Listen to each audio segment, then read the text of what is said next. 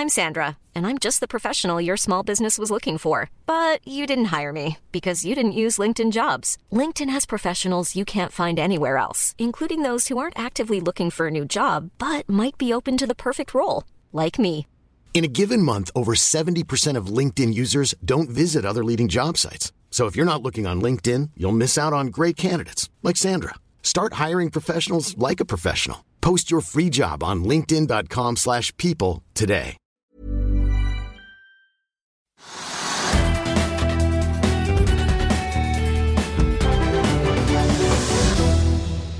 Det er eh, mandag 6.9.2021. Velkommen til Økonominyhetene. I dag får vi besøk av konsernsjefen i oljeservicekonsernet Morell, Hightech Vision-satsingen som har hatt noen eh, tøffe år under oljebremsen, men som nå vil forvandle seg selv til en grønnere fremtid.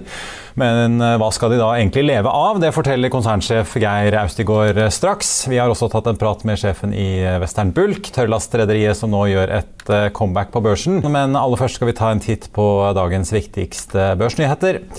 Oljeprisen er ned for andre dag på rad. Det startet ned rundt 0,7% Den ligger nå på ja, litt over 72 dollar fatet. og dermed er vi, Litt over 72 dollar fatet, unnskyld. Og dermed er vi under torsdagens sluttkurs på 72,8. Hovedindeksen startet opp 0,4% men har hentet seg enda mer opp utover dagen og er nå opp rundt 0,8 så det ser altså ut til at vi går mot en ny all time high på børsen. Det betyr også at hovedindeksen så langt i år er opp ja, 20,3 Siste tolv månedene 38,5 så det begynner å komme seg. Dagens vinnerliste preges bl.a. av Arctic Science Technologies, Norsk Hydro, Hexagon, Sats og Nordic Semiconductor. På den andre siden finner vi selskaper som ikke er like heldige. Idex, Wow, PCI Biotech, MPC Container og Bouvet. Ser vi på børskartet rundt i Europa, så er det ganske grønne piler jevnt over det hele, med oppgang ja, på mellom en halv og en prosent rundt om på de store indeksene. Og vi ser også at futuresene i USA peker oppover etter fallet Wall Street hadde på fredag. Flyselskapet Norwegian er ute med ferske trafikktall, og selskapet mer enn doblet antall passasjerer fra 313 316 i august i fjor til 790 220 i år. Målt i passasjerkilometer så økte kapasiteten med 129% mens trafikken økte med 168 så flyene ble altså langt fullere, og den såkalte fyllingsgraden hoppet 10 prosentpoeng til 72,6 Totalt ga dette Norwegian 475 millioner kroner i billettinntekter i august, før man regner med ekstra ombordsalg, frakt og annet. Det er en økning fra 281 på samme tid i koronaåret 2020. Dette har vi jobbet hardt for, sier konsernsjef Geir Karlsen, som også legger til at de nå, basert på økende etterspørsel, har gjenåpnet flere flyruter. Det ser vi bl.a. på at den gjennomsnittlige flylengden til Norwegian nå er opp 12% som signaliserer at de nå begynner å fly større strekninger ut av Norge, og ikke bare innenriks. Oppdrettsselskapet Atlantic Sapphire steg nesten 7% mandag etter nyheten om at selskapet har gjenopprettet normal produksjon ved det landbaserte oppdrettsanlegget sitt i Florida. I slutten av august meldte selskapet om at smittebølgen og økte sykehusinnleggelser i USA hadde skapt mangel på tilgangen på flytende oksygen som selskapet trenger i anleggene sine. Dette sendte ned aksjen fra rundt 75 til under 50 kroner, men nå er den altså på vei opp igjen etter at selskapet kunne melde om at de har sikret nye leverandører både i og utenfor Florida. I ettermiddag har aksjens oppgang falt noe tilbake, og den er opp drøye 4 Men nå skal vi snakke bank, for i dag klokken 16.30 så går fristen for svenske Nordax sitt bud på Bank Norwegian ut. Og med meg i studio har jeg deg, finansjournalist Susanne Solberg Nilsen. Susanne, dette har jo vært en saga som har pågått uh, veldig lenge. Disse svenskene i Nordax de uh, kom på frierferd i mars, så trakk de budet sitt etter en måned, og så var de jammen meg tilbake i våres. Nå uh, går dette endelige og siste budet de har kommet med ut i dag. Hvem er egentlig Nordax? Eh, nei, Nordax er en eh, svensk uh, bank som er eid av eh, PE-fondet Nordic Capital og det finske finanskonsernet Sampo. Og de er også på eiersiden i Bank Norwegian, der de eier nesten 24 tror jeg. Eh, og det er jo en bank, det er en nisjebank eller forbrukslånsbank som Bank Norwegian, men de er jo mindre enn Bank Norwegian. De har nesten 300 000 kunder og har virksomhet i Sverige og Norge, eh, Danmark, Tyskland og Finland. Ja, Så mm. Back Norwegians lille svenske lillebror skal sluke storbror? Eh, ja. Litt, litt enkelt sagt. Mm. Du, dette budet på 105 kroner, som er det som står eh, nå, verdsetter jo selskapet til 19,61 eh, milliarder kroner. Eh, mm. Men det er det ikke alle som er fornøyd med, for på tampen av forrige uke så ble det kjent at både Folketrygdfondet og Egil Stenshagen de takker nei, syns prisen er for lav. Ja, det er jo sånn fra, dette, fra, fra utgangspunktet når den prosessen er startet, da, så var det jo mange av Bank Norwegian-aksjonærene som var misfornøyd med budet. Både det på 95 og også det som når de høynet budet til 105 kroner. Eh, og eh, når Stenshagen og Folketrygdfondet sa på fredag at eh, de ville ikke akseptere budet, så betyr jo det at, eh, nei, at Nordax ikke vil klare å oppnå 90% aksept, som er på en måte det primære målet. da. Eh, for Stenshagen og Folketrygdfondet de eier 11,2 eh, ja, Så da får de, ikke, de får ikke nok til å kunne tvangsinnløse de siste aksjonærene? Nei, men så har også Nordax sagt at de vil gjennomføre tilbudet hvis de klarer å oppnå to tredjedels aksept. Og det betyr jo, hvis de klarer å oppnå to tredjedels aksept, så vil de i utgangspunktet ha full kontroll over Bank Norwegian. Da vil de kunne eh, endre vedtektene, de vil kunne vedta fusjoner, og de vil også kunne mm, endre eh, Ja, de kan, det er på en måte de vil kunne... Det får mye innflytelse, i hvert fall. Ja. ja. Da vil de på en måte kunne gjennomføre kjøpet. Ja. Så det, ja, for De sa jo det at de vil jo helst ha 90, men de godtar eh, to tredeler, 67 mm. Så det er et realistisk scenario? Ja, det er jo det store spørsmålet nå, da. Om de klarer å oppnå eller klarer å få 67% eller minst 67 aksept. Da. Ja, for Vi vet ikke hvor mange aksjer de egentlig har sikret seg. Vi vet at uh, Nordic Capital og Sampo har takket ja. Ja, de har jo 24% ja. jo, Så de har jo godtatt. Så det vet vi, men vi vet ja. ikke hvor, eventuelt hvor mye mer enn det de har klart å sikre seg? Nei, så det er jo det som er spennende. Ja. Du, altså Utover det å skaffe seg flere kunder, som åpenbart er eh, en årsak bak oppkjøp, eh, hva, ser, hva tror du svenskene i Nordax, Nordax ser i Bank Norwegian? Eh, nei, Nordax-sjef Jakob Lundbland har vært veldig tydelig på at eh, Bank Norwegian og Nordax er en veldig god match. Men utover det så tror jeg mye av det her handler om at det er store kapitalsynergier. Det er jo veldig eh, mye lavere kapitalkrav i Sverige enn i Norge. Eh, og hvis Nordax eh, flytter ut Bank Norwegian fra Norge, så vil de faktisk kunne frigjøre nesten 4 milliarder i kapital. Så det er jo en betydelig eh, ja, Rett og slett å flytte postadressen, at eh, banken ikke lenger er registrert i Norge. Så, så senkes kapitalkravene, selv om de fortsetter å operere i Norge. Ja. ja. Og det kan kanskje eierne se frem til å få ut som utbytte eller noe sånt? Det ja, det er jo Så det er eh, Jeg tror det er nesten 4 milliarder. Ja. Og vet vi om det, det faktisk er 16, altså, relativt kjapt etter 1630 vi får vite noe, eller er det litt i det blå når vi faktisk får noe nytt fra Nordax? Nei, Det er litt usikkert. da. Eh, eh, akseptfristen går ut 1630, men så kan det jo hende at ja, hvis de får mindre enn to tredjedels aksept, så kan det jo hende at at Nordax må tenke seg litt om da, hva de vil gjøre. Så mm, jeg vet ikke. Det er litt uvisst. Tiden vil vise. Vi får mm. se om uh, dette er det endelige og siste budet, eller om de kliner på litt til. Susanne ja. Ble, tusen takk for at du var med oss. Jo, bare hyggelig. Uh, vi skal til uh, tørrlast, for uh, tørrlastrederiet Western Bulk Chartering gjør nå comeback på Oslo Børs, der både aksje- og tørrlastmarkedet er brennhett om dagen. Rederiet var et par år på Oslo Børs før Kristen Sveaas eh, tok kjernevirksomheten privat igjen i 2016, så hvorfor vil de tilbake nå? Vi tok en prat med selskapet tidligere i dag, bare se her. Administrerende direktør eh, Hans Åsnes i Western Bulk Chartering, velkommen. Takk for at du eh, er med oss. Dette selskapet har jo egentlig en eh, historikk helt tilbake til starten av 80-tallet, men mange husker jo kanskje at Western Bulk var jo på børs for noen år siden. Nå gjør dere jo deler av Western Bulk gjør jo et comeback. Hvorfor vil dere på børs nå? Grunnen til at vi er på børs nå er jo å skape et instrument som gir grunnlag for ytterligere vekst få likviditet, vise fram verdiene og skape grunnlag for, for, et instrument som kan bidra til ytterligere vekst. Ja, for Dere, dere varsler at dere vil hente en, ja, opptil 130 millioner i en rettet emisjon i forbindelse med denne noteringen. Hvordan skal dere bruke den kapitalen? Er det for å kunne ha flere skip i, i virke samtidig, eller? Det er for å styrke arbeidskapitalen og være en sterk spiller i markedet. ja. Fortell litt om modellen deres, for dere eier jo ikke noe skip selv som et eh, klassisk rederi, men dere, ja, dere, leier inn og leier videre? Ja, så vi, vi, eier jo ingen skip. Eh, så det vi gjør er å sitte som mellommann mellom de som har last og de som har skip. Eh, og egentlig driver risikoavlasting både mot skipseiere og mot, mot, mot lasteeiere. Og, og finner gode kombinasjoner her. og I tillegg så tar vi posisjoner i markedet. Fortell litt om markedet om dagen. Altså, hvis du ser på Clarkson Platos siste oppdatering for i dag, så, så er uh, raten i dag ca. 36 800 dollar eh, per dag. De er opp ja, litt over 12 uh, var den siste måneden. Selvfølgelig kraftig opp fra i fjor. Hvordan ser dere selv på det markedet som er nå?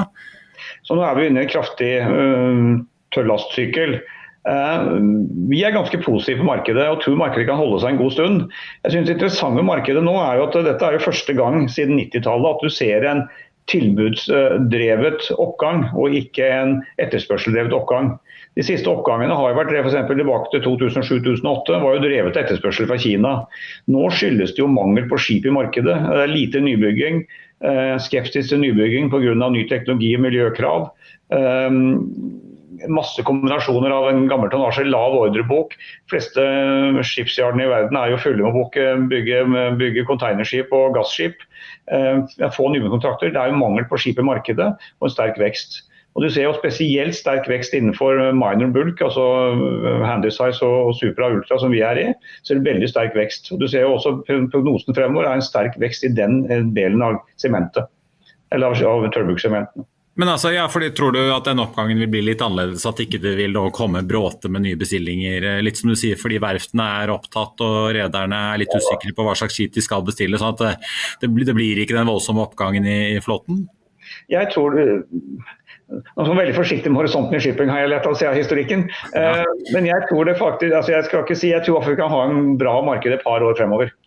Eh, men det er jo flere ting som kommer opp her også. Du får den nye ratingen av skip fra 23, der, der skip må stille visse, møte, komme i møte visse CO2-krav, som sannsynligvis leder til at en del skip enten blir skrapet, eller at de må gå med slow steaming, som ytterligere vil redusere tilbudet av tonnmil i markedet. Eh, og, og som jeg sier, sagt, lav nybyggingskapasitet og lite evne til å levere nye skip de første årene. Samtidig som, som etterspørselen er ventet å stige med ca. 3% i år de kommende årene. Ja, hvor, hvor, mye etterslep er det av koronapandemien at uh, verdensøkonomien liksom våkner opp igjen nå? Er det, er det Et, etterslep, altså, Hvis du ser på verdens industriproduksjon var jo oppe på nivå før korona allerede i fjor høst. Og du så jo Oppgangen i shipping begynte allerede da.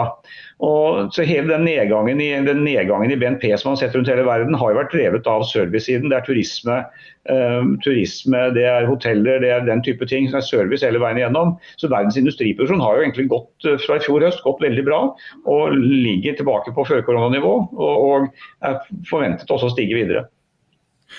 Til slutt, eh, mange som har fulgt uh, dere og bransjen lenge, vil jo huske det som skjedde for noen år siden. Altså, Westernburg Chartering ble jo tatt av børs og tatt privat. og Så ble, meldte jo etter hvert da Bulk Invest oppbud fordi man hadde man satt på mye lange kontrakter på japanske nybygde skip som uh, var altfor dyre i forhold til det raten i markedet var. Så når markedet gikk ned, så, så klarte man ikke å betjene det. Uh, kan du si litt om hvordan dere håndterer risiko og unngår at noe slikt kan skje igjen? Um vi har jo vi har gjort en ganske jobb, mye jobb de siste årene og sett hvor vi er gode i markedet. Og du har sett, som du påpeker, De gangene Western Bulk har kommet i problemer, så har det vært på lange båter. Uh, og Vi ser på historikken at vi har adda lite verdi utover indeksen på, det, på, den, på den, type tonnasje.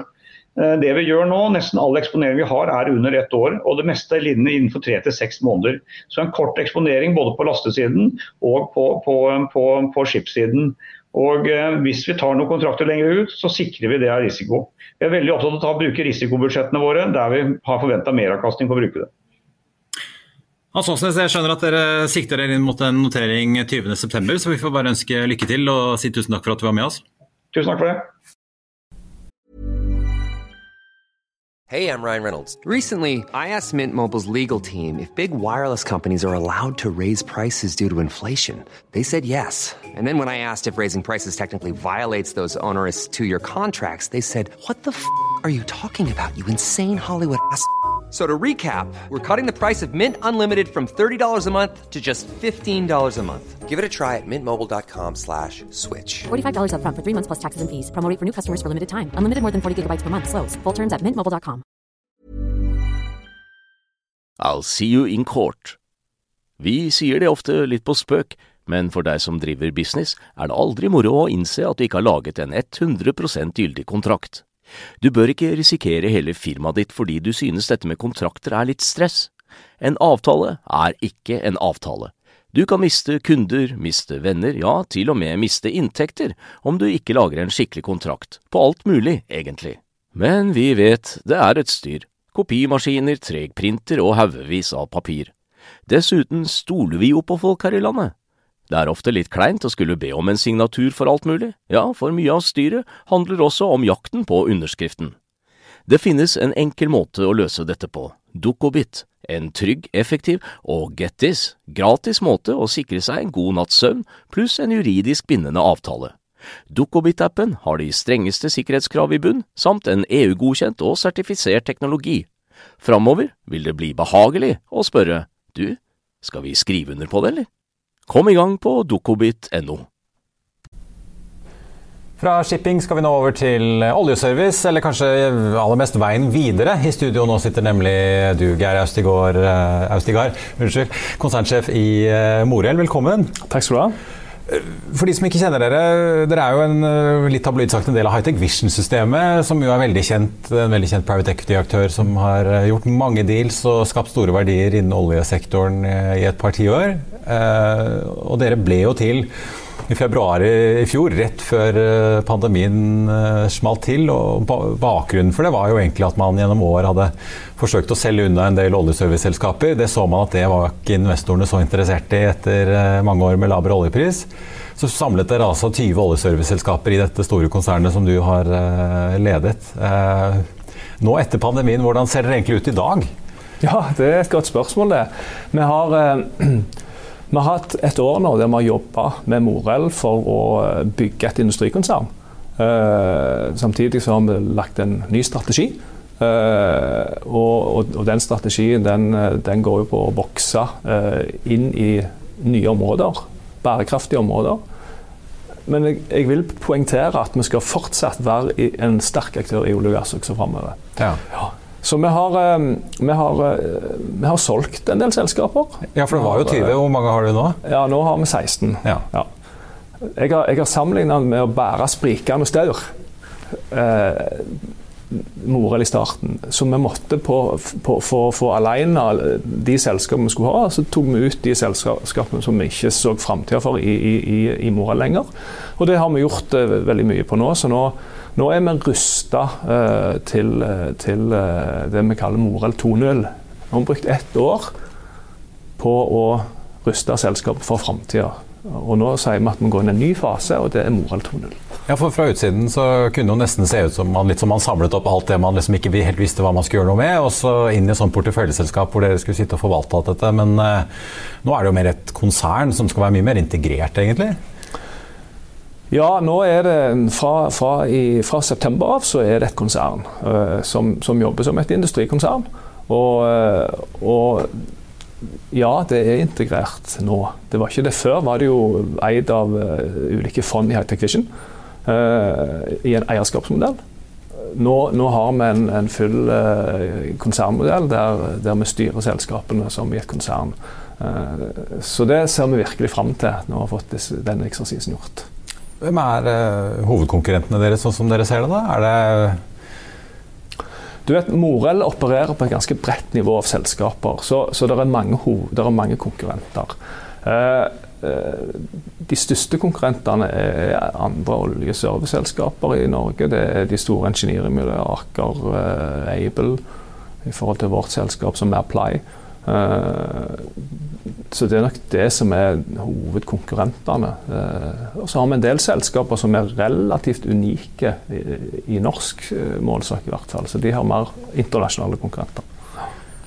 Hvordan ser, du sa jo at dere skal jo fortsatt være i oljeservice. Vi skal straks snakke om liksom de nye grønne satsingene deres, men jeg vil bare ta den oljedelen først. fordi ja. Vi hadde jo Anders Holte fra Kepler Chevreux her i forrige uke etter denne nye oljeskatten ble lansert av regjeringen. og Han trodde at dette egentlig ville være ganske gull for selskaper som Aker Solutions, da, som jo er børsnotert selvfølgelig.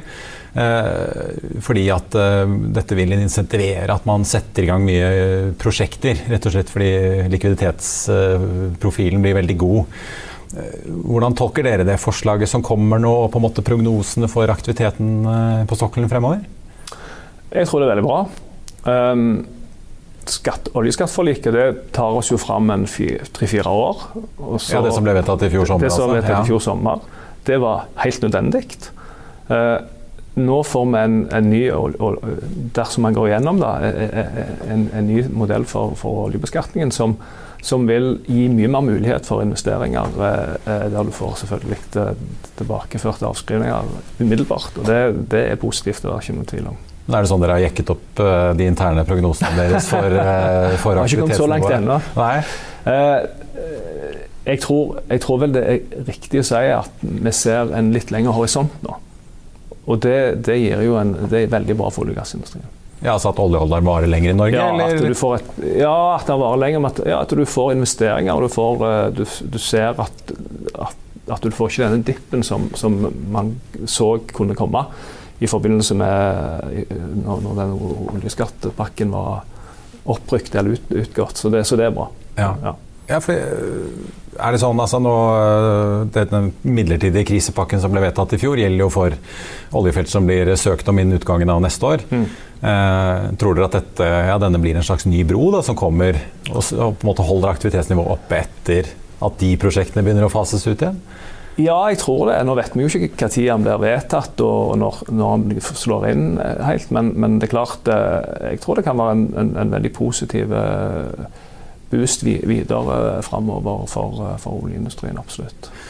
De som kjenner Hightech Vision, kjenner det jo som et veldig olje- og gassfokusert private equity-system. Eh, men de har jo begynt å snu seg om i et stort tempo. Det inkluderer jo dere, og ikke minst den nye Vårgrønn, eh, som er også en ny satsing. Eh, hva er det dere egentlig satser på, som kommer liksom fra oljeservice, rørledninger, engineering? Hvor, liksom, hvilke segmenter er det dere har pekt dere ut? Det siste året så har vi brukt uh, tid på å refinansiere Morell. Uh, det betyr at vi har fått en, en mulighet nå til å, å, jobbe med selskapene der de før hadde begrensninger pga. at de hadde ulike finansieringer. Nå har vi en finansiering, og vi har en mye mer større frihet til å jobbe med Morell. Uh, og og Gjennom dette året har vi i tillegg sett på kompetansen i Morell. Og hva, hva kompetanse har man i andre områder enn en tradisjonell olje og gass. Det viste seg at vi hadde veldig god kompetanse i, i eh, både uh, offshore vind og akvakultur og, og, og andre områder. Så, så, det som vi har gjort i parallell, det er å utvikle nye uh, segmenter. Vi har satt opp selskap i, i, som heter Ocean Wind, som, som jobber i, i, mot uh, offshore vind. Det skjer ikke så mye i Norge de neste tre-fire åra i offshore vind, men det kommer sterkt fra 24-25 av. Uh, så det som Morell jobber med nå, det er å få et sterkt fotfeste på offshore vind utenfor Norge. Ja, Hvilke land snakker vi da? Er det Storbritannia? Ja, Du snakker Storbritannia, Frankrike, USA. Så, vi, så vi, vi, jobber nå konkret med prosjekter i de landene der for å komme inn tidlig og være klar når òg. så, så, vi gjør internasjonalt først, og så kommer Norge. Ja, Det er jo litt uvant. Vanligvis har man jo gått andre veien. Det. Ja.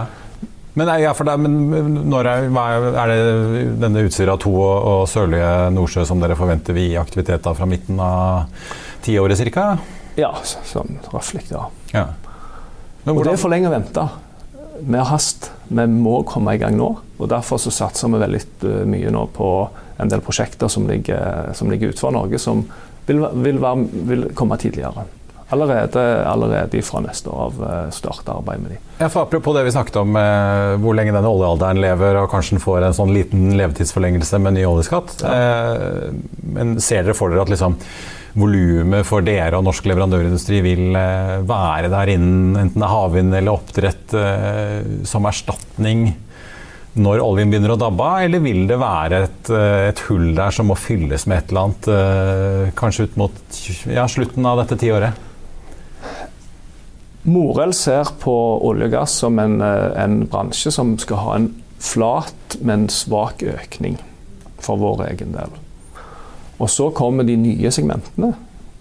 Enten det er akvakultur eller det er offshore vind og en del andre ting som vi driver med. Oppå det. Så for oss så blir det en vekst.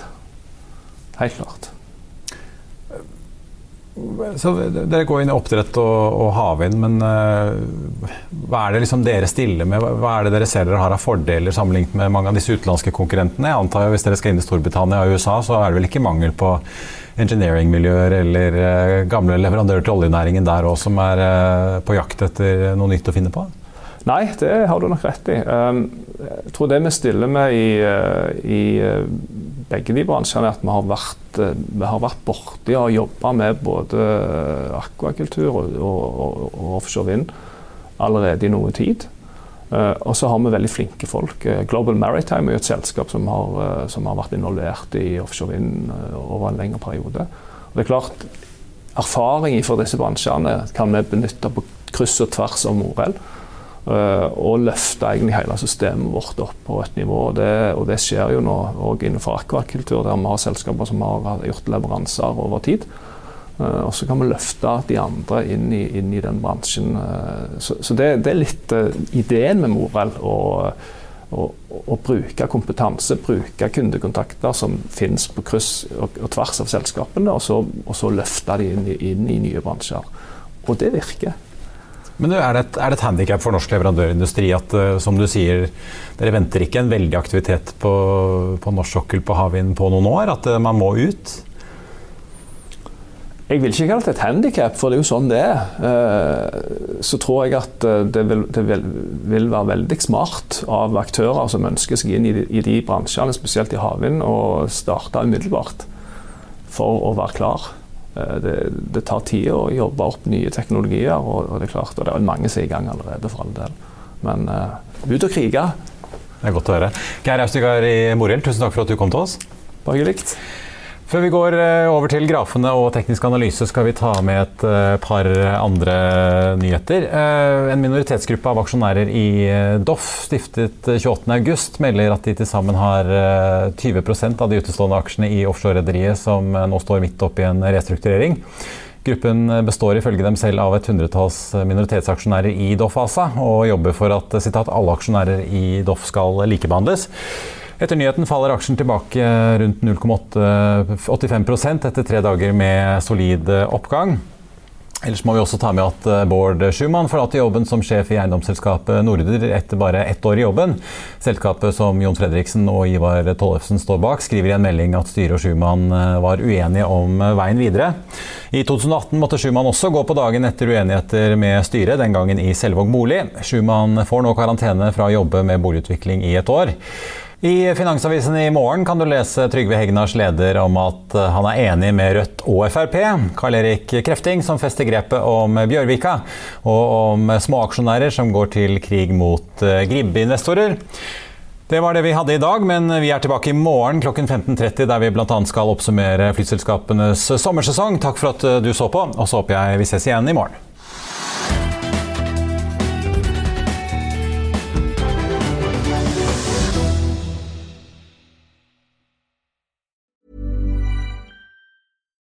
When you need mealtime inspiration, it's worth shopping Kroger, where you'll find over 30,000 mouthwatering choices that excite your inner foodie. And no matter what tasty choice you make, you'll enjoy our everyday low prices, plus extra ways to save, like digital coupons worth over $600 each week. You can also save up to $1 off per gallon at the pump with fuel points. More savings and more inspiring flavors make shopping Kroger worth it every time. Kroger, fresh for everyone. Fuel restrictions apply. Økonominyhetene er en podkast fra Finansavisen. Programledere er Marius Lorentzen, Stein Ove Haugen og Benedikte Storm Bamvik. Produsenter er Lars Brenden Skram og Bashar Johar. Og ansvarlig redaktør er Trygve Hegnar.